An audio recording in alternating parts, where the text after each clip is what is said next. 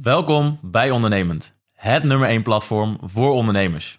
Bij Ondernemend vind je alles om jezelf naar het volgende niveau te brengen en jouw bedrijf te starten of op te schalen.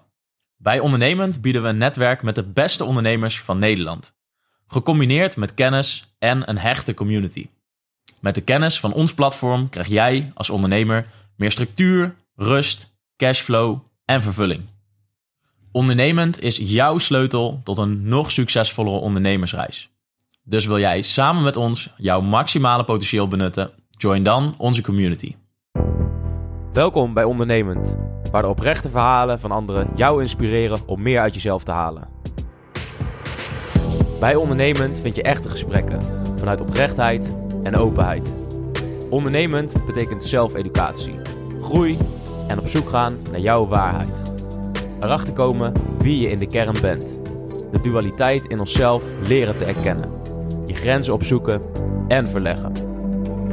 Door onszelf stapsgewijs te verbeteren, zullen we uiteindelijk de wereld verbeteren. Wij bewandelen ons eigen pad. Wij zijn ondernemend. Loop jij met ons mee?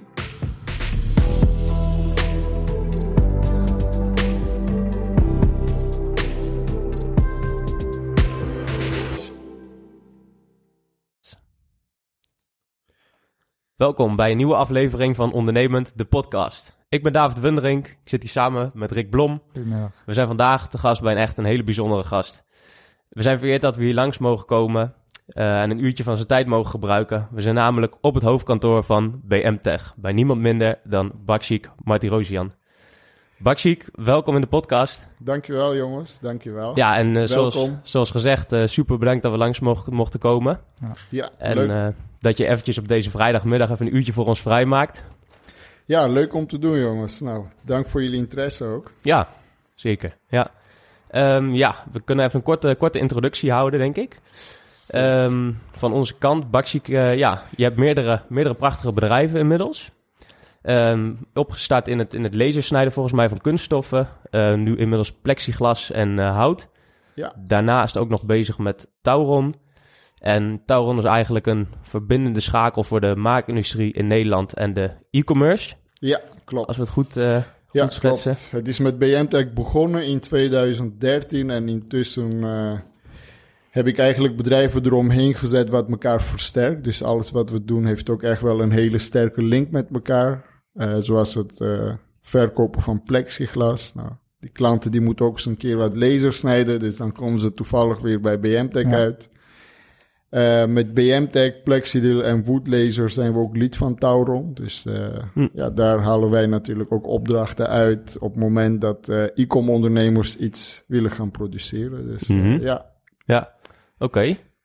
Kijk, interessant. Dus Tauron is eigenlijk jouw, uh, ja, de jongste, de jongste telg van de familie, had maar zo te zeggen. Ja, dat is eigenlijk klopt. het nieuwste, de nieuwste uitbreiding. Klopt. En uh, nou ja, we, hebben, we hebben er ons iets in verdiept. En de missie daarmee eigenlijk is om de, de maakindustrie te verbinden in Nederland met de e-commerce. Ja. Om, om Nederland minder afhankelijk te maken van, uh, van, van China en andere producerende landen. Klopt, ja. ja, klopt. We hebben natuurlijk tijdens de coronacrisis gezien wat er allemaal kan gebeuren op het moment dat we zo afhankelijk zijn van China. En uh, op den duur zagen we echt heel veel problemen ontstaan, vooral met webshops. Ze konden hun producten niet meer krijgen. En ik kwam uh, steeds meer uh, in gesprek met webshop-eigenaren over dit onderwerp. En als je dan ziet ja, wat voor omzet bepaalde webshops draaien, dan ga je jezelf afvragen van, hé, hey, waarom zouden we dat niet in Nederland kunnen produceren? Want al deze volume, ja, als we kijken hoe slim we steeds uh, worden met het produceren, met het automatiseren van, van productie zelf, uh, zien we toch dat uh, steeds meer Europese bedrijven hun productie terughalen naar Europa. En mm -hmm. ja, corona was een, natuurlijk een, een, extra duwtje in, in de rug van heel veel ondernemers om terug te komen. En op dat moment hebben we besloten om een platform op te zetten waarin wij dus Nederlandse e-com ondernemers, webshop-eigenaren gaan verbinden aan Nederlandse productleveranciers, maar ook aan Nederlandse maakbedrijven. Dus echt aan fabrikanten. Van heb je een idee om een product te maken, je hebt geen idee waar je moet beginnen. Nou, dan hebben we binnen Tauron de juiste bedrijven om jou verder te helpen. Mm -hmm. Oké. Okay. Ja. ja. Oké, Oké, interessant. Dus het is, ja, het is nu, eh, jouw, jouw bezigheid, je onderneming hebben nu eh, uitgemond in Tau- Tauron. Ja, Daar kunnen we denk ik later nog wel wat, eh, wat dieper op ingaan. zekers. Zou je ons iets willen vertellen over hoe je in eerste instantie bent begonnen? Want we zijn al een keer hier geweest, Rick en ik. En ja, toen hebben we al wat van jouw verhaal gehoord. En dat is gewoon eigenlijk een ontzettend mooi verhaal. ook voor jonge ondernemers als Ja. voorbeeld te stellen van ja, hoe je iets op kan bouwen en een eigen bedrijf op kan bouwen binnen een aantal jaar. Zou je ons een beetje eh, willen vertellen hoe het, hoe het allemaal verlopen is voor jou, waar het is begonnen? Zekers. Eh, nou, Baksik Martirosyan, en dat is geen Nederlandse naam. Dus ik ben eh, van origine kom, ben ik Armeens. Ik kom uit Armenië. En wij zijn hier in 2001 aangekomen met mijn familie. En dan ga ik even een stukje terug trouwens, even hoe het allemaal is begonnen. En we waren heel vrij snel uitgeprocedeerd, dus eh, we mochten hier niet blijven. We konden Nederland niet verlaten, dus eh, we zijn hier ook 12 jaar lang illegaal geweest. En ik was intussen 22, ik had nog geen verblijfsvergunning, ik had Zo. nog helemaal niks. Dus eh, officieel mocht ik ook niet studeren, maar ik was Mhm. goed tussenuit geglipt door, mij, door bij heel veel scholen aan te melden. En er, er waren gewoon scholen die niet naar de ID-kaart keken dat Nee. die al in 2003 ergens was verlopen. Dus zo kon ik toch nog studeren. Mijn broer bijvoorbeeld, die kon niet naar school. Oké. Eh, dus na 12 jaar eh, ga je heel veel achterstand oplopen. En eh, ik was 22, ik had nog nooit gewerkt. Ik had geen rijbewijs, ik kon helemaal niks doen. En in 2013 kregen we onze verblijfsvergunning. En drie maanden later dacht ik, als ik al deze achterstand een keer wil inhalen, dan moet ik toch wel iets voor mezelf gaan doen. Ja, dus ja. toen heb ik besloten om. eh, want intussen was ik, had ik mijn MBO afgerond, was ik begonnen aan eerste jaar HBO, werkdagbouwkunde.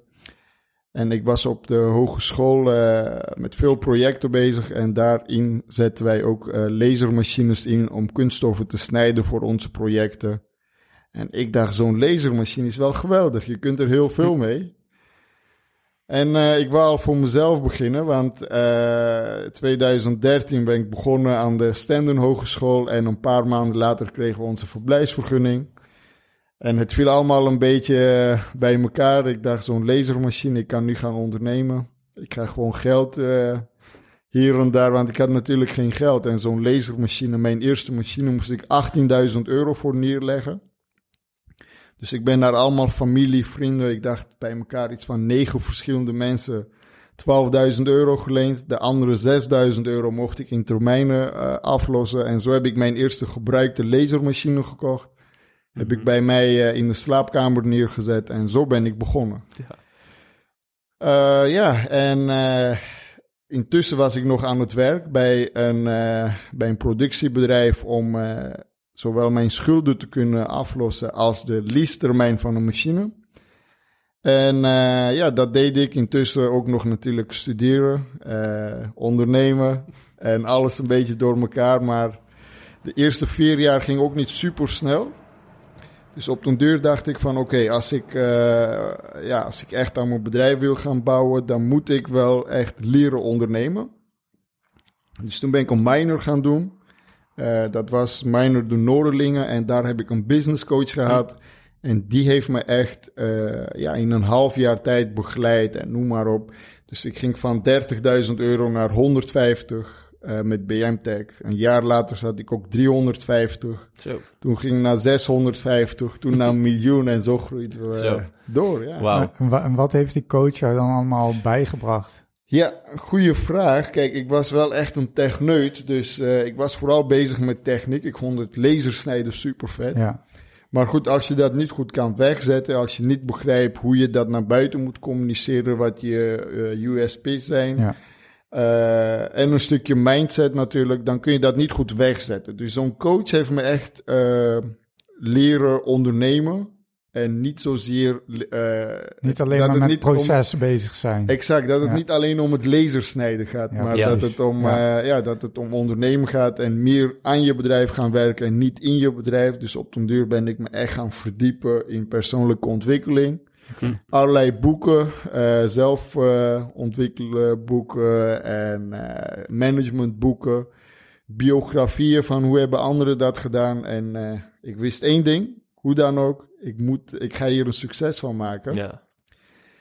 En eh, dat is uiteindelijk ook gelukt. Dus eh, ja, het, het heeft wel eh, acht jaar geduurd. Ik ben intussen acht jaar bezig. Maar eh, op den duur eh, doe je in één jaar tijd meer dan dat je afgelopen zeven jaar hebt gedaan. En dan gaat die groei heel snel. Ja. Zo, ja. Ja. ja. Wauw, ja, dat is dus eigenlijk eh, ook een beetje een combinatie van, zeg maar, wat, wat ik er tussenuit haal. Dus het is ook de noodzaak natuurlijk die jij, die jij voelde of die je had om er gewoon, dat je zegt, ja, het, moet, het moest lukken eigenlijk. Ja. Er was geen, geen twijfel over mogelijk ja. dat het, dat het moest gaan lukken. Ja, ik denk dat noodzaak eh, een hele mooie motivatie voor je kan zijn. Maar eh, uiteindelijk, ja, het was voor mij een, echt wel een noodzaak. Want eh, ik, ik wou hier een succes van maken. Ik had heel veel moeilijke tijden meegemaakt. Dus ik wist ook dat eh, dit een kans was. Eh, dat het ook anders had gekund. Eh, dus ik had ook een behoorlijke motivatie. En ik had ook een behoorlijke doorzettingsvermogen. Want ik wist, als ik hier ook iets van wil maken, dan moet ik gewoon doorzetten. En de eerste jaren dacht ik wel eens van, ja, oké, waar ben ik nou aan begonnen? Als ik mijn studie nou goed afrond, kan ik aan het werk gaan, verdien ik veel meer geld. Maar goed, eh, ergens zat er iets in me dat zei eh, van, je moet gewoon doorzetten. En ja, dat is denk ik door jaren dan daarvoor ontstaan. En op den deur gaat het lopen. Ja, Ja, ja. zo. Ja, Ja, en eh, intussen zat ik in mijn slaapkamer 2013. Een half jaar later werd daar iets te klein. Dus toen ben ik verhuisd naar de autogarage van mijn pa. Die had intussen een autobedrijf. Ik heb daar de bandenopslag omgetoverd tot een werkruimte van ongeveer 15 vierkante meter. En daar kreeg ik mijn eerste grote klanten die ook echt herhaalorders, eh herhaalorders gingen plaatsen. Toen ben ik van 15 vierkante meter naar 200 gegaan in Emmen, mijn eerste eigen pand. Eh, vreemde, vreemd vermogen aangetrokken, eh investeerders om mijn tweede machine te kunnen kopen, want dat was een veel grotere machine. En vervolgens eh, heb ik laten zien dat je hiermee geld kunt verdienen. Want in de eerste instantie wou Rabobank of andere banken mij geen geld lenen. Maar na mijn tweede machine heb ik dus eh, in een jaar tijd eh, ja, echt goed omzet gedraaid, mooi resultaat behaald. En toen heb ik ook binnen een week met een businessplan eh 300k losgetrokken van Rabobank. En toen kon ik mijn verdere machines kopen. En intussen eh, hebben we hier een stuk of 15 productiemachines. En eh, ja, produceren we zo 30.000 onderdelen per dag. Dus ja, dat gaat Zo. nu wel door. Ja. zijn andere man of, eh, ja, ik denk nu 16, 17 man aan het werk bij BM Tech. Bij alle bedrijven bij elkaar nu 26 man. Dus ja. Ja, Ja, maar eigenlijk, ja, als ik dat dus goed begrijp, de eerste machine, die, die is eigenlijk meer gekocht op, op basis van, nou ja, ik, kijk, ik koop die machine, alleen er moet nog werk bij gevonden worden, zeg maar. ja, ja, ja. Dat heb ik trouwens altijd zo gedaan. Ja. Elke machine die ik kocht, kocht ik met het idee van... eh, ja, die markt is groot genoeg, dus ik koop nog een machine bij... en ik Ja. zorg maar dat ik daar werk voor Mhm. binnenhaal. En ik merk dat eh, je daar op den duur voorzichtig in wordt... en dan ga je terugdenken van... ja, maar zo deed ik het altijd. En dan denk ik, ja, dat ga ik nu ook weer doen. Dus eh, ja... Ja, Ja, dat heb ik altijd gedaan, ja. ja. Dus niet eerst eh, heel veel zekerheid hebben en allemaal achter orders gaan. Ik heb het speltje gewoon omgedraaid. Eerst machine, Mhm. dan orders. ja precies. Ja. En- Eerst en- uitbreiden. En qua personeel is dat ook een beetje op diezelfde manier gegaan? Want ik denk Ja. dat dat is ook best wel een stap natuurlijk. Ja. Ja, vooral de eerste, denk ik, eerste drie jongens, dat was wel eh, best wel spannend. Want eh, je dacht van, ja, ik doe nu alles alleen. Ik deed alles alleen inkopen, offertes, facturatie, planning. Eh, planning had ik niet echt, want ik was de enige. ja, Dus alles in mijn eentje. Dus ook produceren, verpakken, verzenden, achter nieuwe orders aangaan. En op den duur denk je, weet je wat, als ik een eh, jongen aanneem, dan kan hij bijvoorbeeld een deel van mijn werkzaamheden overnemen. Dan kan ik mij focussen op nog meer orders. Dus eh, dat is ook iets wat, ik, wat, wat mijn coach mij had geleerd. Van ja, je moet toch bepaalde dingen los gaan laten. Ja. Kijk, eh, op het punt waar ik nu sta is het niks meer en minder dan logisch. Maar als je net begint, zijn er toch wel stappen. ja, ja. Dus eh, ik dacht, oké, misschien heb ik niet fulltime werk voor iemand, voor mijn eerste personeelslid. Maar als ik hem binnenhaal en ik kan mij fulltime focussen op, bla- op, eh, op, op echt binnenhalen van orders, dan heeft hij fulltime werk. Dus, Ja, en eh, als beginnende bedrijf heb je ook niet enorm veel financiële middelen. Dus eh, je moet heel snel schakelen. Dus je hebt ook niet zoiets van, ah, die jongen die mag wel even een half jaar zijn tijd nemen om in te werken. Nee, dat moet gewoon eh, binnen eh, vier weken winstgevend zijn. ja, ja. Ja. Oh. Ja, Dus Kijk, eh, ja, zo is het allemaal begonnen, jongens. En eh, nu staan we op een andere punt. En we zijn er nog niet, dus we gaan nog lekker door. nee. Ja, En, en eh, dus ja, eigenlijk wat je zegt, eh, het begon echt te lopen toen je met die coach meer ging kijken naar hoe ga ik aan mijn bedrijf werken in plaats van in mijn bedrijf werken. ja, Ehm, ja, waar was precies dat punt? Of, of wat kwam er zeg maar eerst? Want je, je, je zegt van ja, ik, ik redeneer eigenlijk een soort van andersom. Dus eerst de machine, dan het werk. En, en Ja. waar kwam dat, dat punt in de, in de omzet of in die groei? Is, is er een bepaald moment geweest of een bepaald moment dat je, dat je dus je focus verlegde op, op, op bepaalde activiteiten of ontwikkelingen? ja, ja dat, dat, in, dat heb ik inderdaad gedaan. Want in het begin eh, had ik andere type klanten, wat veel makkelijker was om binnen te halen, maar eh, veel minder eh, interessant en ook niet mijn, eh, mijn doelgroep. Uiteindelijk wou ik ergens heen tussen machinebouw, scheepsbouw, jachtbouw, medische hoek.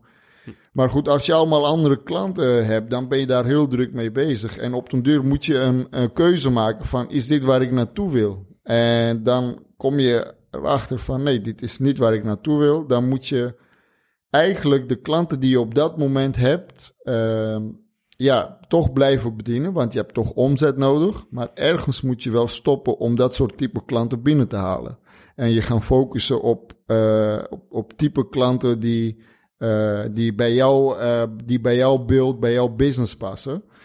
En dat heb ik toen ook gedaan en dat heeft eh, mij heel veel gebracht. Er was wel een, een stap, want als ik niet nieuwe klanten binnen ging halen in dat andere sector, dan betekent wel dat je even achteruit gaat met omzet. Ja. Mhm. Maar goed, soms moet je gewoon even achteruit en dan kun je weer eh, veel sneller vooruit. Dus dat is wel wat er toen is gebeurd. Ja. Ja. Dus een beetje snijden in, in het type klanten en je ander, op andere dingen gaan focussen. Ja, En misschien klanten dus eh, benaderen die, eh, die wat lastiger te krijgen zijn, maar waar je de, de, de, de aantallen in kan maken daarna, zeg maar. Klopt, klopt. En weet je wat het is? Ik zie vooral bij de jonge generatie tegenwoordig dat ze heel snel resultaat willen. En in mijn, eh, toen ik hiermee begon, ook met dit, dit soort switchen, klinkt het alsof je dat in een eh, paar weken of in twee maanden doet. Maar hier gaat Mhm. gewoon een jaar, anderhalf overheen, totdat je toch een bepaalde stap hebt gezet. Ja. Maar dat was voor mij niet zozeer een probleem, want ik wist dat eh, ja, wonderen bestaan. Maar Ja. als je iets wil bereiken, dan moet je gewoon eh, hard werken. En dat komt niet in een dag aanwaaien. Dus mijn, ja, mijn mindset heeft daar wel echt aan bijgedragen. Mhm. Om niet eh, voor het snelle geld te gaan, maar wel soms even iets lange termijn te denken. En dat betekent op korte termijn achteruit gaan. Ja. Want dat heb ik heel vaak meegemaakt. Want continu als je jezelf in het diep, eh, diepe gooit, dan ga je toch achteruit. En ik was op den duur ook op een eh, mooi punt met mijn bedrijf. Ik kon bijvoorbeeld elke jaar een ton verdienen, netto winst na belasting. En dan denk je van, oké, is dit wat ik wil? Want weet je, gaat het dan hierom? Gaat het om het geld? Mhm. Eh, of willen we nou echt industrie gaan eh, bewijzen dat het lasersnijden het nieuwe frezen is? Dus wat is onze missie? Wat is mijn missie? Dus dan ga je toch weer een aantal stappen terug doen. Dat geld dat je verdient, ga je gewoon weer herinvesteren. En dan ga je gewoon zorgen dat je eigenlijk heel gedurfde stappen zet om verder te groeien. Ja, ja. En dat kan soms wel heel gevaarlijk zijn. Want je hebt op den duur iets wat heel goed loopt. Weet je, je hebt Mhm. een mooi draaiende motor. Waarom zou je daaraan sleutelen? ja, ja. En dat is eh, denk ik ook wel iets wat je continu moet blijven doen. Want zo'n motor die kan altijd harder, sneller, groter gaan. Dus eh, ja. ja. Altijd aan de, aan de knopjes blijven draaien. Mhm, Ja. mhm. Oké. En, en dat soort keuzes, uh, want uh, dat merk, je, merk ik zelf en uh, ik denk ook heel veel andere ondernemers vaak, dat je, de, je hebt eigenlijk altijd twee, twee manieren van iets benaderen, zeg maar. Vaak voel je dat een bepaalde keuze goed is, of echt meer vanuit gevoel of vanuit passie. Maar je kunt er ook heel erg over na gaan denken, zeg maar. Dat je echt rationeel gaat bedenken van waarom is een bepaalde keuze goed. Ja. Heb, heb jij daar een bepaalde methode voor, of heb je altijd een soort van onderbuikgevoel gehad van ja, dit ga ik gewoon doen, zonder dat het misschien helemaal uit te leggen is waarom, zeg maar. Ja. Heb je daar een... Ja, kijk, dat is een hele goede vraag. Kijk, ik ben een techneut, dus voor mij bestaat uh, toeval en gevoel. Weet je, je gevoel kan je heel vies bedonderen. Dus Mm. ga je- volg je altijd je gevoel, dan volg je eigenlijk een beetje richting van de wind. Hè? Waar gaat, ja, vandaag voel ik me echt super, dus Ja. ik ga dat doen. Ja, Ah, ja. Ik voel me vandaag zo slecht, laat het maar zitten. Mm. Dus ik denk dat je daar een goed balans in moet vinden. Je, het moet en goed voelen. En eh, uiteindelijk moet je het ook op papier voor jezelf kunnen verklaren. Dus ik schrijf alles op. Ik schrijf letterlijk. Er gaat geen dag voorbij dat ik niet allerlei dingen opschrijf. Ik win advies in. Ik kijk om me heen. En dan eh, kom ik dan toch weer soms terug op dat goed gevoel van ja, dat voelt voor mij goed. Omdat mijn cirkel waarin ik nu eh, handel, dat, dat is wat ik weet. Mhm. En ja, meer weet ik ook niet. Dus eh, op basis daarvan maak ik een keus. Maar op den duur ga je dieper graven. Je zet alles uit. Je schrijft alles uit. En dan zie je toch van, ja, het kan ook andere kant op gaan. Dus dan ga je toch andere keuzes maken. En ik denk dat het, ja, hoe leer je iemand dat aan? Ik weet het eigenlijk niet. Ik denk dat je heel veel moet doen. Je moet een bepaalde, je moet heel veel mensen gaan analyseren die een beetje dezelfde eh, drive hebben. Dus eh, die, die, die, die zeggen, weet je, ik ga hier een succes van maken ten koste van echt heel veel dingen. Ook, eh, ook, ook soms eh, je, jezelf, weet je, dat Ja, gaat heel ja. ver. En dan, eh, ja, dan ga je kijken, hoe hebben die mensen dat gedaan? Mhm. En je ziet toch niet te veel je gevoel volgen. Er moet een combinatie zijn, weet je, op den duur. Doordat je dingen heel, heel vaak blijft doen, creëer je een bepaalde gevoel. Die gevoel is Ja, wel heel veel waard. Mhm. Maar kijk daar wel mee uit, ja. Ja. Ja. Dat heb ik, heb ik nu, nu denk ik erover na. Ik heb dat ook gezien. Volgens mij op jouw Instagram heb je ook eh, meerdere eh, punten, zeg maar, aan adviezen die je aan mensen mee wil geven. En dat was volgens mij ook een van de adviezen dus. Eh, niet alles hoeft altijd leuk te zijn. Klopt, ja, maar die ziekte heerst tegenwoordig heel Ja. erg. Alles moet leuk zijn. Overal op Instagram zie je ook van... Ja, ja. jongens, doe wat je leuk vindt. Doe wat, je, wat jou gelukkig maakt. Maar ik heb een ander punt. Ik zeg, heb je een doel? Ja. En wat is je doel? Dat maakt dan op, dat, op dit moment even niet uit wat je doel is. Maar je gaat dingen doen die leuk zijn. En je gaat dingen doen die niet leuk zijn om daar uiteindelijk te komen. Dus het is niet of het leuk of het niet leuk is. Het is van, je hebt het doel en wat ben je bereid om te betalen? Om, eh, wat is de prijs die jij bereid bent om te betalen om jouw doel te bereiken? Ja. Misschien ben je niet bereid om de niet leuke dingen te doen. En Mhm. alleen maar de leuke dingen. Maar ik weet dat het niet allemaal zo rooskleurig is. Dus soms moet je wel. Door een zure appel bijten. En soms heel lang achter elkaar. En dan moet je ook weer je motivatie zien te behouden. Dus dat is wel... Mhm. Ja, in het begin, jongens, dacht ik iedereen kan het doen. En ik kom daar toch steeds meer op terug. En dat is ook omdat ik heel veel heb gezien de afgelopen acht jaar. En het is niet dat mensen het niet kunnen. Eh, het is bepaalde eh, die prijs. De ene is bereid om een eh, hogere prijs te betalen dan Mhm. jij. En ik ben, ik zeg tegen mezelf, ik, ik bied altijd het hoogste. Want ik ga, ik, ik, eh, ook, ook richting mijn concurrentie. eh, niemand kan mij daarin inhalen. Nee, nee. De drive, de, de doorzettingsvermogen en de prijs die ik bereid ben te betalen. Ik weet dat heel veel mensen dat niet bereid zijn. Dus Mhm. Voelt ergens heel goed. ja. Dat je weet dat je gewoon tot, tot de limiet kan gaan Ja. en dat, dat, er gewoon, ja, dat het Ja. niet ophoudt, zeg maar. Ja, wat maar nodig is. Ja. Maar dat, dat is denk ik ook dat stukje eh, wat misschien, misschien wel, waar we het net over hadden, die noodzaak vanuit jouw jeugd. Kijk, als ik, als ik terugredeneer naar heel veel andere mensen, die hebben gewoon een veel makkelijkere jeugd gehad.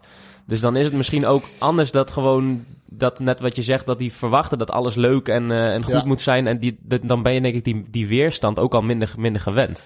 Ik denk dat je, ik weet dat je gelijk hebt, want dat, dat, is, ook, eh, dat is ook een probleem. Weet je, Eh, jeugd van nu eh, heeft een heel, heel, veel, heel veel, ik denk niet iedereen, maar 99% vooral hier in Nederland, heeft een heel makkelijk leven. En soms als ik zie hoe makkelijk alles gaat, en dan, dan maakt me wel een zorg. Ik heb ook een jonge broertje van 12. En dan denk ik van, weet je, ik ben door heel veel shit heen gegaan en dat heeft mij gemotiveerd. Wat gaat nou jongens als mijn broertje die het heel goed hebben straks motiveren? Ja. Ja. Eh, wat, wat gaat hun eh, leren dat ze moeten doorzetten? Om, er is geen noodzaak, hè? Dus precies. eh, ze hoeven het niet te doen. Mhm. Dan gaat je hersen toch een bepaalde luiheid vertonen. Ja.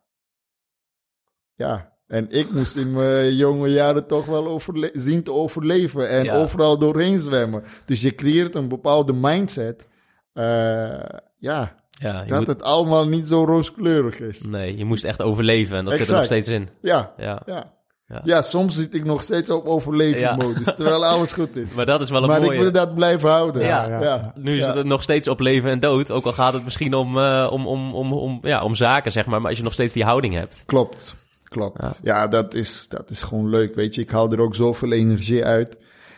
En ik merk ook bij mezelf, weet je, zodra ik... eh, zodra iets goed is opgezet, het draait, dan ben ik mijn motivatie kwijt. Dus ik Hmm. ben ook wel een beetje verslaafd aan, eh, aan het oplossen van problemen. Problemen opzoeken. Exact. Dus ik, eh, zodra het goed gaat, gooi ik mezelf weer ergens in waar ik weer problemen kan oplossen, waarin ik weer mezelf kan verbeteren. Ja, ja, ja. Maar dat houdt het ook leuk. Mhm. Ja.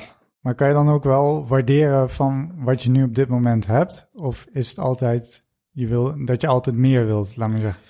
Eh, ik ben heel dankbaar eh, ik- voor wat ik heb op dit moment. En wat ik heb kunnen doen. eh, mensen om me heen, mijn familie. Dus dat kan ik heel erg eh, waarderen. Daar ben ik ook dankbaar voor.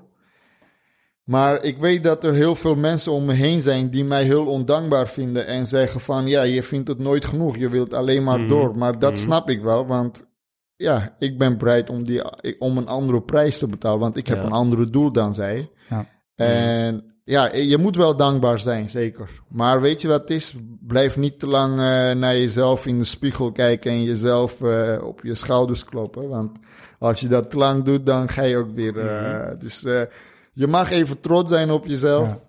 Ja. En dan kijk je weer naar iemand anders eh, en denk je van verrekt, wat was Steve Jobs toen Apple naar de beurs ging? dus eh, ja. ja. dat is. Ik, ik weet dat er heel veel mensen zijn die, die mijn eh, manier niet goed vinden. Mhm. Die zeggen dat je meer eh, moet rusten en eh, minder naar je, jezelf moet vergelijken met anderen. Maar ik kijk toch wel heel erg naar eh, wat iemand kan. En dan vraag ik mezelf af, als hij het kan, waarom kan ik het dan niet? Ja. Dus eh, ja. Ja. Ja. dat doe ik wel, ja. Ja, dat, dat is ook best, best interessant. Eh, net wat je zegt. Kijk, als hij het kan, waarom kan ik het niet? Denk je niet dat, dat momenteel veel, veel mensen zich toch een bepaalde limiet ook stellen, zeg maar? Dat, eh, tenminste, dat heb ik de laatste tijd ook wel een beetje het idee... dat je leeft toch in een bepaalde samenleving... waar, waar een heel erg standaard heerst, zeg maar. Dus je gaat, je, gaat, eh, je gaat leren, je gaat studeren, je gaat werken.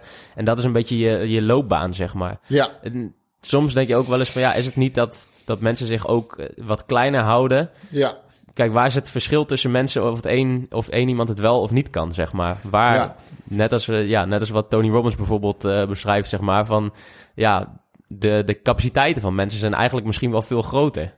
ja, klopt. Je hebt over een omgeving, maar kijk, dat is het. In welke omgeving zit jij? En sommigen hebben een bepaalde omgeving, wat jij net omschrijft. En je gaat studeren, je zorgt dat je een mooie baan hebt eh, en je gaat aan het werk, je koopt je eerste huis en eh, vervolgens krijg je kinderen. Eh, Je kent het verhaal.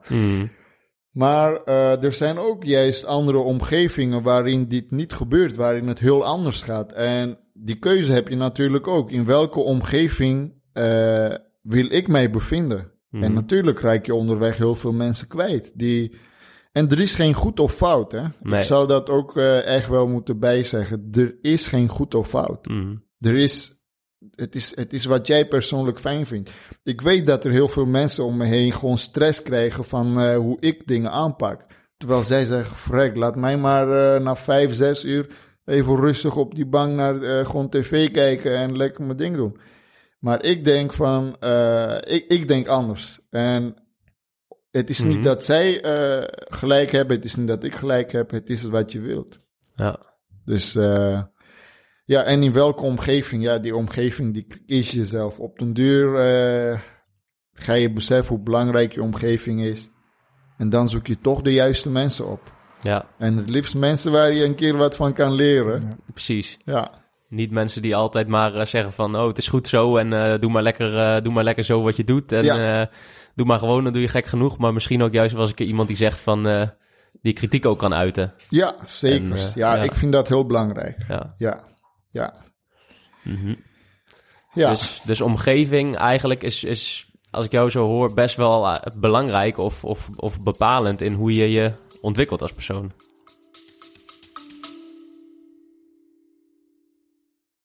Welkom bij Ondernemend, het nummer 1 platform voor ondernemers.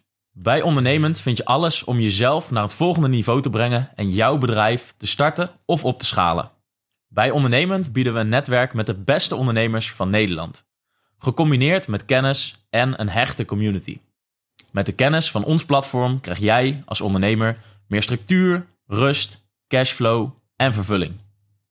Ondernemend is jouw sleutel tot een nog succesvollere ondernemersreis. Dus wil jij samen met ons jouw maximale potentieel benutten? Join dan onze community. Ja, klopt. Ze zeggen dat je gemiddeld eh, de persoon bent van tien mensen waarmee je het meest omgaat. En ik denk, ik weet zeker dat dat eh, klopt. Ja, Want eh, ja, mensen kunnen elkaar toch wel motiveren om bepaalde dingen te doen. Maar als jij omsingeld bent met een bepaalde groep, waarin jij al bijvoorbeeld je kop uitsteekt, dan, ja, dan is er niemand meer die zegt van, ja, misschien kun je ook nog eens hier aan denken, David of Rick. Eh, misschien moet je Mhm. dat eens gaan doen. Die denken, ja, je bent er al en je ziet jezelf, je, je gaat jezelf ook vergelijken met je omgeving. ja. Dus je denkt, ja, ik ben al, eh, ik ben al de beste. ja het zal wel goed zijn zo. ja, exact. Ja, maar ja, daarom komen Ja. we ook bij jou op gesprek, toch? Ja, ja, ja, leuk. Ja. Nee, ja, omgeving is heel belangrijk. Ja, Mhm. ja. Ja. Oké. Ja. Ja, dus dat is het, stukje omgeving. En dat, dat is misschien ja, natuurlijk in jouw, eh, ja, jouw loopbaan ook wel bepalend geweest. Natuurlijk hoe dat, hoe dat jou gevormd heeft. Dat, eh, ja, de noodzaak, de omgeving, alles bij elkaar zorgt er gewoon wel voor waar je nu bent. En wat ik, wat ik nu ook wel zie laatste tijd is dat je ook wel volgens mij echt kiest wie je om je heen hebt. En dat je echt wel een, een groep mensen of, eh, of, of ondernemers nu om je heen hebt ja, waar, je, waar je echt aan gewaagd bent, zeg maar. Ja, ja, klopt. Ja, kijk, er, er zijn natuurlijk verschillen. In ondernemers zit ook weer verschillen. Hè. We hebben ondernemers die echt voor de profit gaan. We hebben Mhm. ondernemers die zeggen van, eh, we willen hier echt iets veranderen. Eh, toch echt letterlijk waarde toevoegen. Hmm. In plaats van, kijk, uiteindelijk als bedrijf zijnde moet je geld verdienen. Anders, je kunt zoveel mooie verhaaltjes hebben. Als je geen resultaat boekt, dan geeft niemand ene shit. Want je kunt dan gewoon niet groeien. Eh, je kunt niet doorinvesteren. Maar ik vind ook niet dat je alleen maar voor profit moet gaan, maar dat je wel een diepliggende eh, ja, eh, motivatie moet hebben om te doen wat je doet. En dat, dat is niet, in mijn geval niet geld. En ik zoek wel nu die mensen op en daar kan ik ook veel meer van leren. Die niet alleen gefocust zijn op geld, eh, maar meer om het, met het maken van eh, echt het zorg van een verandering. Mhm. Wat ik zeg, wij willen dat Europa uiteindelijk binnen een jaar of vijf is onze streven om Europa, het lasersnijden als nieuwe vrezen te gaan accepteren. En dat is onze missie voor de komende vijf jaar. En als we daar zijn, ja, dan gaan we dat weer breder trekken en uitbreiden. En eh, mensen die eh, alleen maar om het geld geven, ja, die, die kijken toch wel wat kan ik op korte termijn dropshippen. Ja, ja. daar Ja. begint het vaak. Ja, Maar ja, denk je niet dat dat ook een soort van part of the deal is van het, het ontwikkelen als ondernemer? Kijk, ik denk als je begint als ondernemer ben je misschien heel erg gefocust op... oké, ik ga ondernemen, want ik wil geld verdienen. En dan kom je op een gegeven moment misschien op een punt dat je geld verdient... en dat je gaat nadenken van ja, is dit het allemaal? Of zit er een soort van dieper doel achter voor mezelf?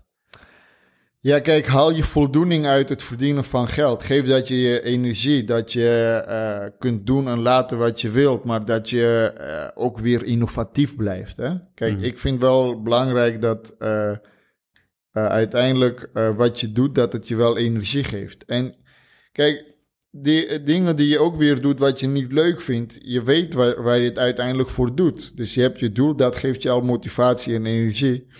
En ik denk dat geld alleen eh, een slechte motivator is. Dat hou je niet lang vol. Want eh, ja, op den deur heb je geld verdiend.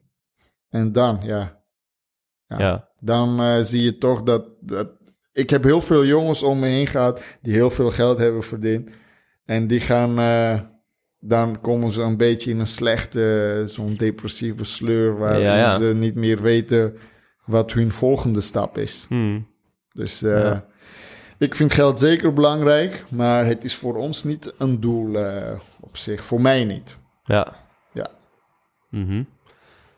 Ja, dat zie je toch inderdaad va- wel vaak ook gebeuren. Dat geld kan natuurlijk een bepaalde leegte niet opvullen. Als je altijd maar streeft naar meer en meer en meer geld, dan kom je op een gegeven moment misschien wel achter dat dat, ja, dat, dat niet, dat je je als persoon niet compleet maakt, zeg maar. Nee, klopt. Ik streef op dit moment naar, eh, naar een grote marktaandeel. En ja, daar komt eh, natuurlijk gaat onze omzet daarin omhoog. En eh, komt er eh, meer geld binnen. En wij vergroten, wij vergroten daarin wel onze. ja, we zijn echt onze markt aan het vergroten. Maar goed, als ik kijk wat we daar allemaal voor moeten doen. Mhm. Ja, dat is toch wel superleuk. We zijn nu met BM-Tech sinds vandaag actief in Zwitserland en Oostenrijk. Een jaar Zo. geleden begonnen met Duitsland. Dus ja, dat zijn, de, dat zijn de mooie dingen. Maar goed, je begint in Duitsland en dan. Weet je, je moet ook eh, de motivatie en de drive hebben om dingen goed te doen. Dus hey, ik eh, gooi het in eh, Oostenrijk online of in Zwitserland. En ik zie hoe het loopt. Nee, je gooit het online, je pakt door. Je gaat je verdiepen in, in de mensen. Je gaat kijken hoe ze het daar doen. Dus je probeert toch, zeg maar, niet een gemiddeld iets te lanceren, maar echt de Mm. beste te zijn in wat je doet. Ja. En dat is, dat is de DNA van BMTech wat er vandaag heerst. Eh, ik denk dat het komt omdat eh, dus ik, de oprichter, eh, ja, dat heel belangrijk vind. Dus voor ons ook, als we iets doen, willen we goed doen. Mhm. En wij, wij zijn niet de goedkoopste, maar qua kwaliteit in wat we doen zijn we, kunnen we rustig zeggen, een van de beste in, in, in Nederland, in Duitsland, in België. Dus eh, Ja. ja, dat zijn, dat zijn leuke dingen. Ja, ja mooi. En en ja, je hebt natuurlijk binnen, ja, nu eigenlijk binnen best wel korte tijd veel personeel ook erbij. Daar komt natuurlijk Mhm. ook een stuk management bij. Ehm, hoe zorg je nou eigenlijk dat, dat die boodschap, dus hoe- wat jij voelt en wat BM Tech zou moeten uitstralen, dat je dat overbrengt aan je personeel? Dat je hun net zo gemotiveerd maakt dat zij eigenlijk die jouw waardes overbrengen op de, op de klanten en, eh, en, en, en in, de, in de dienstverlening en in de producten. Ja.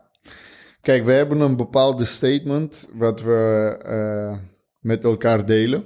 En dat, eh, dat moet je allereerst heel goed naar, naar je team communiceren. En vervolgens wil iedereen natuurlijk uiteindelijk ook beter worden. Dus elke medewerker hier zet zich volledig in eh, op BMTech, maar wil zelf Mhm. natuurlijk ook beter worden. Dus we zorgen dat mensen hier ook eh, kunnen doorgroeien. We zorgen ervoor dat eh, mensen hier ook hun ideeën kwijt kunnen. En uiteindelijk, vooral de, we hebben een bepaalde basis van waar het mee begonnen is. Wij vertellen hun, de nieuwelingen, hoe wij het hebben gedaan om te komen waar we nu staan. En dat wij dat heel belangrijk vinden, dat zij daar wa- waarde aan hechten. Mhm. En ja, op den duur, eh, omdat je een hele goede basis hebt die eh, bepaalde dingen belangrijk vindt, die geven dat door. En dan zie je toch dat, je, dat ze dat van elkaar beginnen over te nemen. Ja. Dus dat is, ehm, ja, dat is een hele belangrijke punt eh, Ja. om, om die jongens toch wel mee op reis te nemen. Ja. Precies ook mee te nemen in jouw beslissingen en jouw eh, gedachtegoed, zeg maar. Ja, ja, die jongens mo- moeten natuurlijk ook eh, met je mee kunnen beslissen. Mhm. Eh, want uiteindelijk is het niet de bedoeling dat ik dit allemaal alleen ga doen, want dat zou ik ook niet kunnen. Nee. In mijn eentje had ik echt niet gestaan waar ik nu sta. Dus die jongens die op dit moment hier zijn, ja, die moeten, eh, die moeten ervoor zorgen dat we weer een stap omhoog gaan. Ja. En soms bepaal ik de koers, meestal. Eh, maar we gaan er samen heen. Ja, ja. Ja. Ja, mooi is dat. Je, je had het net ook over, over, een, over een motor. Zie jij eigenlijk jouw organisatie ook zo? Als een soort machine waar je aan knoppen kan draaien en die uiteindelijk als motor door blijft lopen zonder dat jij misschien eh, actief de hele tijd gas hoeft te geven? Uh, ik denk dat, uh, dat je daarmee kunt vergelijken. Ja, ja dat, dat kun je zeker daarmee vergelijken. En ik heb wel eens een, echt wel een stap terug gedaan en dan loopt het ook door, omdat mm. we een hele goede basis hebben. Uh, maar weet je, ik vind het ook veel te leuk om een stap terug te doen. Dus ja. Uh, ja. Nu nog niet in ieder geval. Ja, ja, ja. nog lang niet. Nee, nee, daarom, kijk, uh, er is nog zo, zoveel te doen. Ja. Dus we gaan nog lang niet een stap terug doen. Nee. nee. Je, je bent nu acht jaar bezig, maar als we jou nou over acht jaar spreken, waar, waar staan we dan? Onze volgende stap is dat wij uh, gaan bouwen. Wij gaan vijf keer groter. We hebben hier 1250 vierkante meter. We gaan naar 5000 vierkante meter. Okay. Mm -hmm. En over vijf jaar of acht jaar, dan uh, hebben we minimaal twee vestigingen in Duitsland.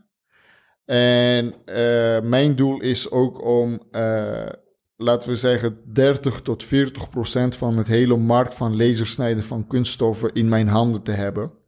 En dat goed uh, te beheersen. En dus de komende tijd zijn we toch wel echt gefocust op het winnen van marktaandeel.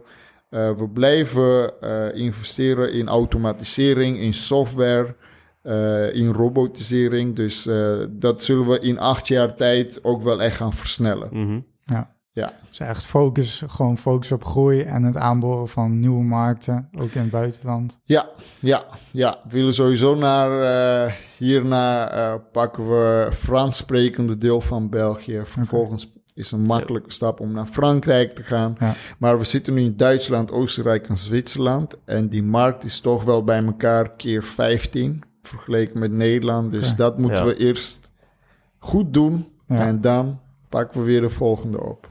Ja. Zo. Ja, Ja, maar de volgende stap zeker een vestiging in Duitsland. Dat gaan we doen. oké. Binnen een hele korte tijd. Mijn doelstelling is om volgend jaar de eerste vestiging daar te openen. Hm, En dan echt een productielocatie, Ja. eh, zeg maar. Ja. Ja, Ja. Logistiek gezien eh, is dat een mooie stap, ja. Mhm. Dat is wel een, eh, wel een hele grote uitdaging weer. Ja, we zijn gelukkig niet de eerste die dat gaat doen. Hè. Er zijn Mhm. zoveel bedrijven in Nederland die daar succesvol een vestiging hebben geopend. eh, Nederlandse bedrijven. Ja. En we hebben contact met wat bedrijven die dat al heel succesvol eh, hebben doorlopen. Oké. Het is nu een kwestie van heel goed kijken hoe zij het hebben gedaan Ja, en leren. precies. Ja. Ja, Ja. ja.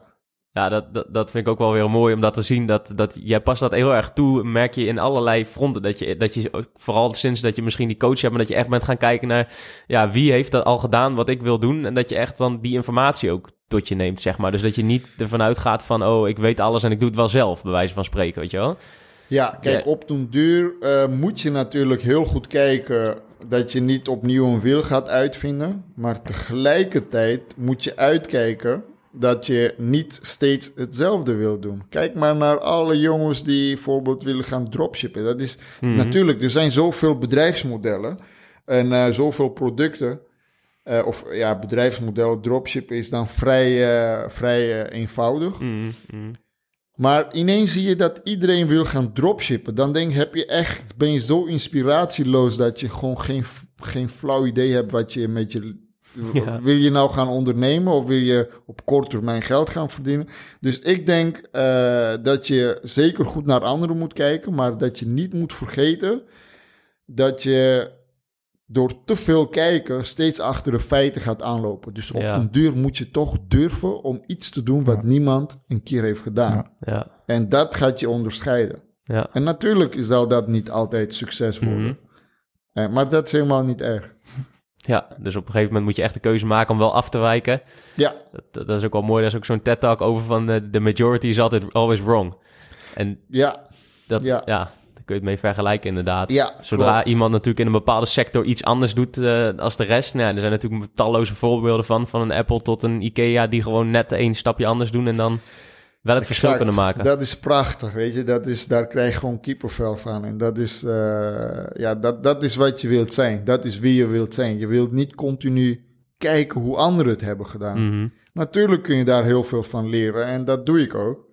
Maar ik wil mezelf toch ook wel op den duur eh, ja, onderscheiden van de rest en dingen doen wat de anderen niet doen. En dat doen we al met lasersnijden. Want acht jaar geleden toen ik dit begon, eh, was niemand op het idee gekomen om technische kunst over te gaan lasersnijden. Nee. En dat is wel mooi, want acht jaar later zien we toch dat heel veel bedrijven, letterlijk onze klanten die hier over de vloer kwamen, dachten van, verrek, dat gaan we ook doen. Mhm. En dan lijkt het van, je koopt een lasermachine en je begint, maar dat is wel leuk om te zien, dat de meeste daarin toch eh, de mist ingaan. Dat het veel meer is dan dat. Dat dat eigenlijk het, het meest makkelijke is. En dat Mhm. alles eromheen maakt het verschil.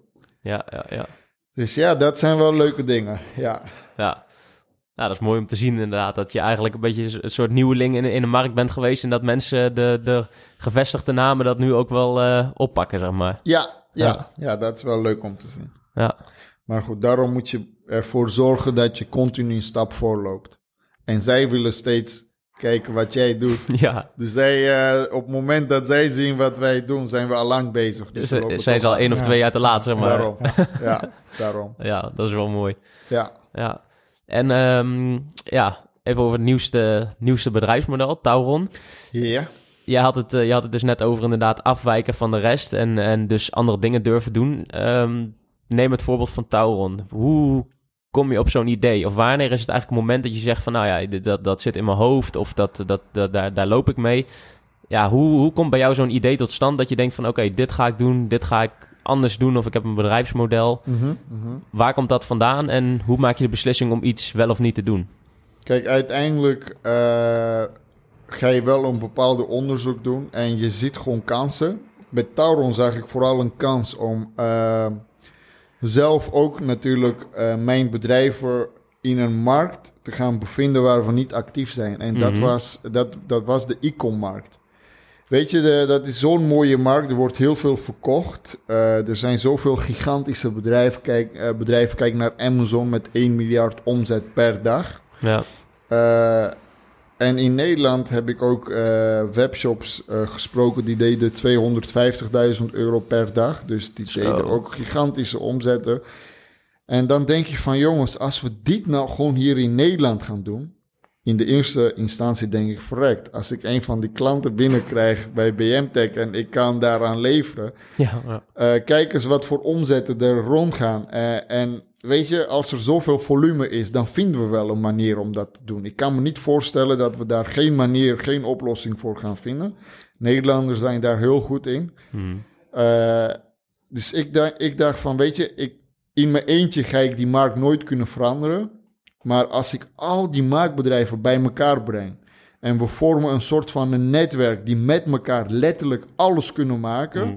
dan zouden we eigenlijk een chain kunnen creëren waarin we ja, van fietsen tot eh haardroger zouden kunnen produceren. Kijk, ik kan niet eh, in mijn eentje een fiets gaan maken, maar ik kan wel een kunststof onderdeel snijden die in een fiets komt. Kijk, er is niet een bedrijf die dat helemaal in zijn eentje kan, maar binnen Tauron, de power die we daarin hebben, is dat we eigenlijk een ketting kunnen vormen van allemaal bedrijven die uiteindelijk jouw eh, producten, halffabrikaten, just in time bij een assemblagebedrijf kunnen leveren waarin jouw fiets volledig geassembleerd wordt. Mhm. En ik dacht, hoe mooi zou dat zijn?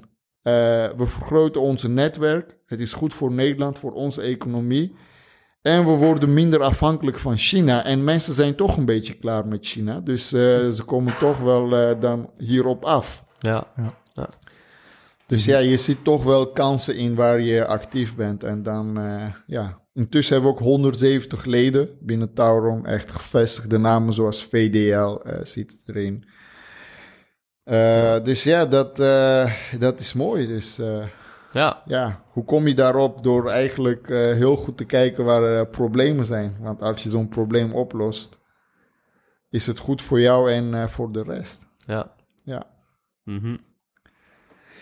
Dus op zo'n manier ben je het ook aangevlogen, zeg maar. Je, Ja. je ziet een probleem in een markt eigenlijk ook deels vanuit je eigen bedrijf. Dat je denkt van, oh, dat, dat, dat, dat is iets waar je tegenaan loopt. Ja, En je ziet natuurlijk ook de potentie in die zin in de Nederlandse maakindustrie, omdat je er zelf in zit. Ja, ja, Ja. klopt. Kijk, Eh, zijn we altijd heel goedkoop hier in Nederland? Nee, maar we kunnen wel eh, heel goed schakelen en we zijn heel innovatief. We gaan steeds verder met eh, het automatiseren van onze productie. Dus alles bij elkaar is het gewoon eh 1 plus 1 en dan ja, Ja, ga je een businessmodel zien.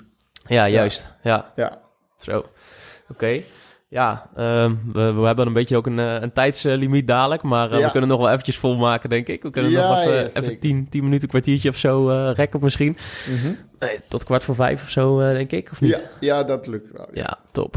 Ja, misschien is het leuk om nog even iets verder op de persoon in te gaan. En we hebben natuurlijk heel veel over je business al gehad. Ja, En ehm, ja, wij vroegen ons eigenlijk ook wel af van, nou ja, wat zijn nou jouw, jouw routines of, of dagelijkse eh, disciplines waardoor je zo ver bent gekomen, zeg maar? Wat, wat, wat maakt nou een verschil voor een echt goede ondernemer? En wat, wat zijn de dingen die jij doet om jezelf eh, te ontwikkelen? Eh, ja, kijk, ik vind consistentie heel belangrijk. Dus echt consistent zijn in wat je doet. Dus ik heb ook wel, ik heb letterlijk wel echt een ritme dat mensen om me heen die dat weten, vinden dat soms een beetje autistisch qua trekjes. Maar ik vind juist belangrijk dat als je resultaat wilt behalen, dan moet je heel vaak eh, toch wel, ja, je, je moet niet te snel afwijken van wat je doet, want je gaat niet binnen een korte tijd resultaat zien. Eh, hoe mijn routine eruit ziet, ik word wakker, eh, ik zet koffie, ik eet een rijstwafel met honing. Dat is echt iets wat ik al heel lang doe. Ja. En vervolgens ga ik een boekje lezen. Mhm. En eh, nadat ik een boek heb gelezen, ik probeer wel echt boeken te lezen die mij dan inspireren. En s ochtends ben ik juist heel gefocust. En s'avonds laat ben ik heel gefocust. Dus daar sluit ik ook mijn dag mee af, ook weer met lezen. Maar na het lezen s ochtends van een boek maak ik een eh, to-do-list. Van hey, wat zijn nou belangrijke punten om vandaag te doen? Hè? Dat is niet eh, mail bijwerken, nee, niet dat soort punten. Mhm. Maar je hebt een doel, je wilt ergens heen. Welke stap vandaag gaat jou een stapje dichterbij brengen? Naar waar je uiteindelijk wil zijn. Dus ik vind het wel belangrijk om elke dag een stap te zetten die mij dichterbij brengen naar waar ik uiteindelijk wil zijn. En dat zijn soms zaadjes die je plant, die pas over een jaar iets kunnen eh, ja, eh, opleveren, noem het maar op. Dus eh, elke dag een stap zetten. en dat komt ook altijd bovenop mijn lijst. En vervolgens, eh, ja, dan, eh, ga ik me, dan ga ik douchen, omkleden. Eh, dan heb ik belangrijkste dingen gedaan en dan rijd ik naar Emmen. Kom ik hierheen. Ik ben hier wel echt bijna elke dag. En dan loop ik even door productie, kijk even hoe daar gaat. Ik ben ook wel op, soms op, soms een beetje aan het micromanagen. Ik let op veel dingen. Maar goed, hoe je ook went of keert, eh, je ziet dingen wat anderen soms niet zien. Eh, en vervolgens, ja, dan eh, ga ik naar boven, pak ik toch wel laptop, even je mail bijwerken. Alle dingen die je echt vervelend vindt, doe ik echt meestal 's ochtends. Dan heb ik dat gehad. Hè? Slik de kikker eerst, ken je dat? Ja, ja. ja. En Goeie, vervolgens, ja, dan ga ik me echt bezighouden met, met, eh, met de leuke dingen. Dus Ja. echt, eh, ik heb best wel eh, veel contact met instanties buiten, bedrijven buiten BMTech, die ons van marketing tot ISO-certificering, tot het schrijven van teksten, het businessmodel wat wij hebben implementeren in Duitsland, die ons allemaal meehelpen. Dus ik heb heel veel verschillende belletjes met dat soort mensen. En ik vind het heel belangrijk om deze stappen ook echt wel elke dag een beetje met mijn team te delen. Van hey, dit zijn de stappen die we hebben genomen, dit is waar we naartoe gaan, dit is waar we zijn. Eh, dit is de verbetering ten opzichte van vorige maand. En die jongens zien dan ook elke maand een kleine verbetering of een grote verbetering. En eh, ja, zo neem ik ze ook dan uiteindelijk mee. Ja, Ja. ja. en eh, ja, dat is een beetje mijn routine.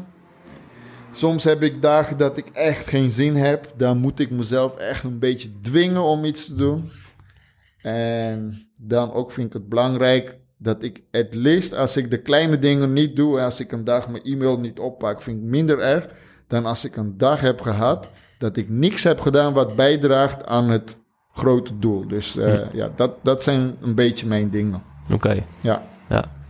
Ah, en dat, eh, dat doelen stellen, is dat iets wat je altijd hebt gedaan zelf? Of heb je daar je op een gegeven moment echt in verdiept en pas je daar een bepaalde techniek uit een boek of iets voor toe? Of hoe heb je dat? Zie je dat heel erg eh, absoluut als eh, je maakt een lijst en je, je hanteert een bepaalde methode daarvoor? Of is het gewoon losjes van ik schrijf een paar dingen op en ik, ik, ik Nee. werk daar naartoe? Nee, kijk, doelen die we stellen, die moeten ook weer uiteindelijk bijdragen aan waar we naartoe willen.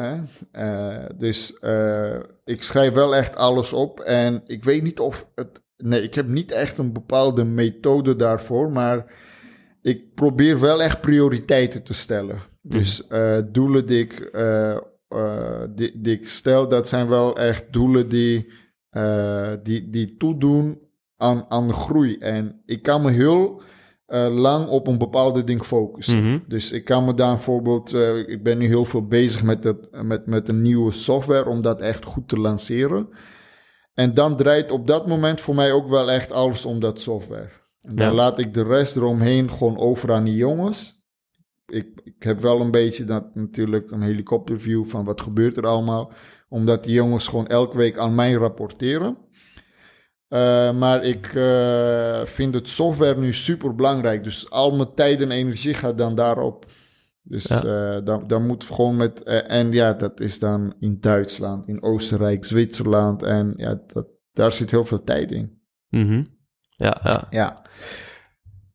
Ja, dat is ja, doelen stellen. Ik, ik zit even te denken wat doe ik. Ja, kijk, we hebben in het verleden werd mij verteld je moet doelen stellen eh, waar je over vijf jaar wilt staan en over tien jaar. Maar ik probeer toch wel een beetje kort. eh, dus ik, ik kijk een jaar, ik kijk twee jaar, maar ik kan niet vijf jaar vooruit kijken. Nee. Je weet wel waar je naartoe wilt en je hebt je stip op horizon. Maar over twee, drie jaar kan de wetgeving veranderen. Er kan van alles gebeuren. Dus natuurlijk moet je een, een stip op de horizon hebben. Maar je kunt niet eh, vijf jaar plannen maken. Het is wel een beetje onzin. Mhm. ja. Ja, Ja, dus je hebt wel een soort van algemeen groter doel en daaronder ga je zeg maar voor de korte termijn allerlei ja, opdeling maken, zeg maar. ja, Ja. ja. klopt. Ja. Kijk, voor ons, onze grote doel, dat zal nooit veranderen. Mhm. Onze missie blijft, onze visie blijft. Maar hoe we daar komen, ja, dat weet ik, dat weet ik zelf ook niet altijd. Nee, nee. En dat eh, op korte termijn kan ik zeggen, dit zijn belangrijke stappen om daar in ieder geval een trapje hoger te gaan. Mhm. Maar op lange termijn, over vijf jaar, eh, kan ik niet zeggen, dan wil ik nog steeds die en die en die marketing tool toepassen. Nee, Dus precies. Dat kan heel anders zijn. Ja. Ja. Hm. Ja. Ja. Dus je hoeft niet de hele trap te zien als je maar de eerste treden neemt, zeg maar. Exact. Ja. Dat is het. Ja, dus je, ja, je, wat, je- wat ik dus eigenlijk hoor, je, je besluit eigenlijk eerst waar wil ik naartoe en de hoe komt dan eigenlijk later wel. Ja, Dat, ja, Ja, ja. Ja, je kunt het heel vaak niet weten hoe. Dus dat, eh, nee. ja. Mhm. Ja. En als, eh, als persoon, Baksik, want je hebt natuurlijk echt best veel, veel doelen ook voor je, voor je bedrijf. Zijn er ook eh, punten waar je, als je denkt van, nou ja, als, je, als persoon, waar wil ik over een jaar of over twee jaar staan? Zijn er dingen waar je eh, je verder in wil verdiepen of waar je, waar je aan wil werken, zeg maar? Zekers. Ik ben me nu echt aan het omringen met mensen die bedrijven hebben met 100 mil plus omzet. En dat gaat goed. Eh, en mijn doel is ook om, eh, ik ben nu met de 100 miljoen plan bezig. Dus ik- het gaat me niet om de 100 miljoen. Maar het gaat me erom wie je moet worden om 100 miljoen te kunnen omzetten. Want er Ja. zijn heel veel mensen die een miljoen kunnen omzetten. Dat, dat is niet zo spannend. Maar ga je naar 10 miljoen, dan wordt die groep toch een stuk kleiner. Mhm. Maar ga je naar 50 en de 100 miljoen, dat is wel echt heel interessant. Ja. Eh, want daar, daar zit een hele organisatie, een hele team eromheen. En het lijkt me geweldig om eh, te begrijpen hoe dat werkt. Dus persoonlijk wil ik dat wel meemaken. Mhm. En dat gaat gebeuren. ja, dat gaat gebeuren. Want eh, Ja. ja. Ik, heb het, eh, ik, heb, ik ben daar ook niet weer heel veel mee bezig. met, eh, met, met mijn eh, plan voor de komende twee jaar. Mhm. En ja, dat, dat, is, dat is gewoon superleuk. Ja. Ja. En daarnaast persoonlijk natuurlijk wil je... ik vind het heel belangrijk om veel tijd met mijn familie te besteden. Ik heb niet veel vrienden en dat hou ik ook zo. Ik vind familie heel, veel, al- veel belangrijker. Eh, ik heb een kleine cirkel van vrienden. Eh, en ik vind ja, dat je. eh, ik word vader eh, en je, ik, ik- wij zijn in verwachting van een dochtertje. Dus ik wil uiteindelijk ook wel iemand zijn die alles bewust meemaakt. Mhm. Ik wil niet dat, dat mijn doelen ook dat soort dingen gaan beperken voor mezelf. Dus ik wil daar ook de nodige tijd aan besteden. Dus het wordt wel eh, drukke Ja. jaren. Ja, ja, ja, ja, dat wordt wel een uitdaging, Ja. denk ik. eh, Ja. Zo, Ja. ja. En ik ben ook niet iemand die zegt, eh, je moet sneller slapen, want ik kan echt eh, niet functioneren met vijf uur slapen Nee, of zo. nee. Dus ik moet echt wel minimaal die eh, zeven uur hebben. ja. En als ik dat niet doe, dan gaat het ten koste van mijn kwaliteit van mijn keuzes. Dan Ja. kan ik weer slechte keuzes eh, gaan maken. Dus ik moet Mhm. wel lichamelijk echt goed in mijn vel zitten. En, en dan kan ik me, ja, mijn lichaam en mijn mindset zitten dan goed in balans. Eh, heb ik dat niet, ja, dan, eh, ja, dan, gaat, het, dan gaat het niet goed. Dus eh, ik moet eh, de komende tijd even... eh, ja, houden. misschien leer ik dat straks wel. Ja, Ja, precies. Ja. Aandacht, aandacht verdelen. Ja, en eh, exact. ja, exact. nou, dat is denk ik altijd lastig als je, als je echt doelen hebt en je bent heel erg gemotiveerd. Dan, eh, dan, ja, dan is er altijd, zijn er zoveel dingen om te doen. Dat, eh, dat, je, ja, dat je altijd natuurlijk genoeg dingen hebt om je aandacht over te verdelen. Je hoeft je niet, eh, niet te vervelen in die zin. Dus het is altijd een, eh, altijd een afweging die je maakt, zeg maar. Nee, ik hoef me niet te vervelen. Klopt, ja. Ja. Ja, ja, ja. Ja. Nou, we, het, is, het is ongeveer kwart voor vijf, dus volgens mij is het tijd voor jouw uh, Vrijmibo zo meteen. ja, ja. Ehm, zullen we een afsluitende vraag doen? Een, eh, Van het lijstje. ja, een afsluitende vraag. Oké. Wil jij die stellen, Rick? Staat die eronder?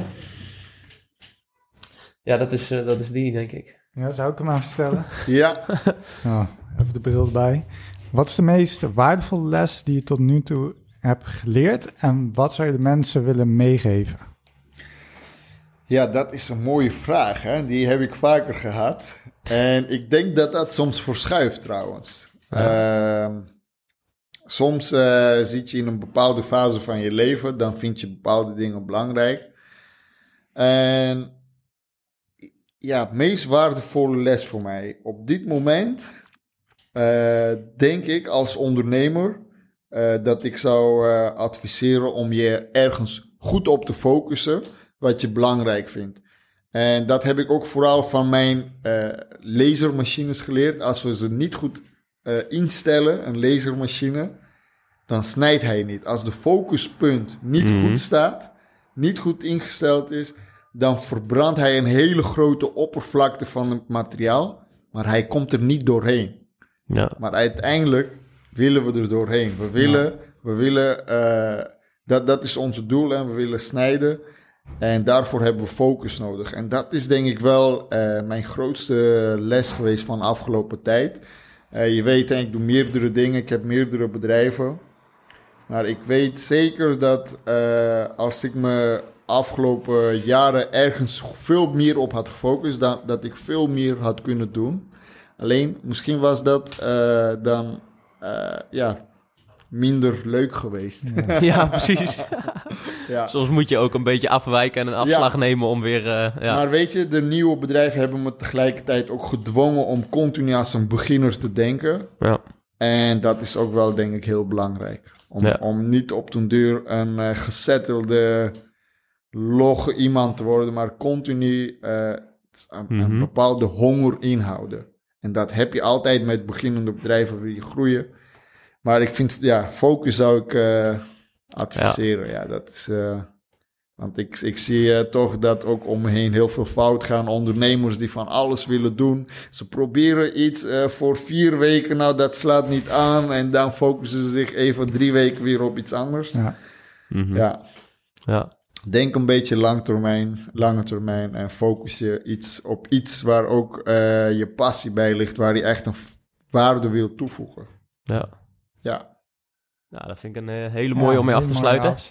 De laserfocus van Bakshik. Ja. Ja, Dus eh, laserfocus Ja. ja. nee, echt super. Eh, ja, dan willen we je bij deze denk ik echt, eh, van, echt hartelijk bedanken dat Ja. we mochten komen. En echt een super openhartig en echt, echt leuk gesprek. Ja, mooi gesprek. Dankjewel jongens, jullie ook bedankt voor je interesse en voor je, voor je bezoek. Ja, ja, Ja. Ik, denk, ik denk dat, dat wij en, eh, en heel veel mensen kunnen, kunnen echt superveel van leren. En dat is eigenlijk ook het doel met onze podcast. Wat jij zei, eh, omring jezelf met de mensen die, die, die zijn waar jij, waar jij wil staan. En leer van die mensen. En Ja. ja. ja, dat is ook wat we, wat we op deze manier doen. En daarom is het gewoon super dat we bij jou aan tafel mogen zitten. Ja. En eh, even een uurtje van jou mogen leren. Dus eh, Dankjewel jongens. hartstikke bedankt. En jullie eh, bedankt. wie weet zien we je nog een keer terug bij ons in de studio. Of eh, op een netwerkborrel van, eh, van Ondernemend, de podcast. Ja. Dus eh, Ja, leuk, leuk. komt. Leuk jongens, veel succes, jullie ook. Yes, dankjewel Dank Bakshik. je. Welkom bij Ondernemend, het nummer 1 platform voor ondernemers. Bij Ondernemend vind je alles om jezelf naar het volgende niveau te brengen en jouw bedrijf te starten of op te schalen. Bij Ondernemend bieden we een netwerk met de beste ondernemers van Nederland. Gecombineerd met kennis en een hechte community. Met de kennis van ons platform krijg jij als ondernemer meer structuur, rust, cashflow en vervulling. Ondernemend is jouw sleutel tot een nog succesvollere ondernemersreis. Dus wil jij samen met ons jouw maximale potentieel benutten? Join dan onze community.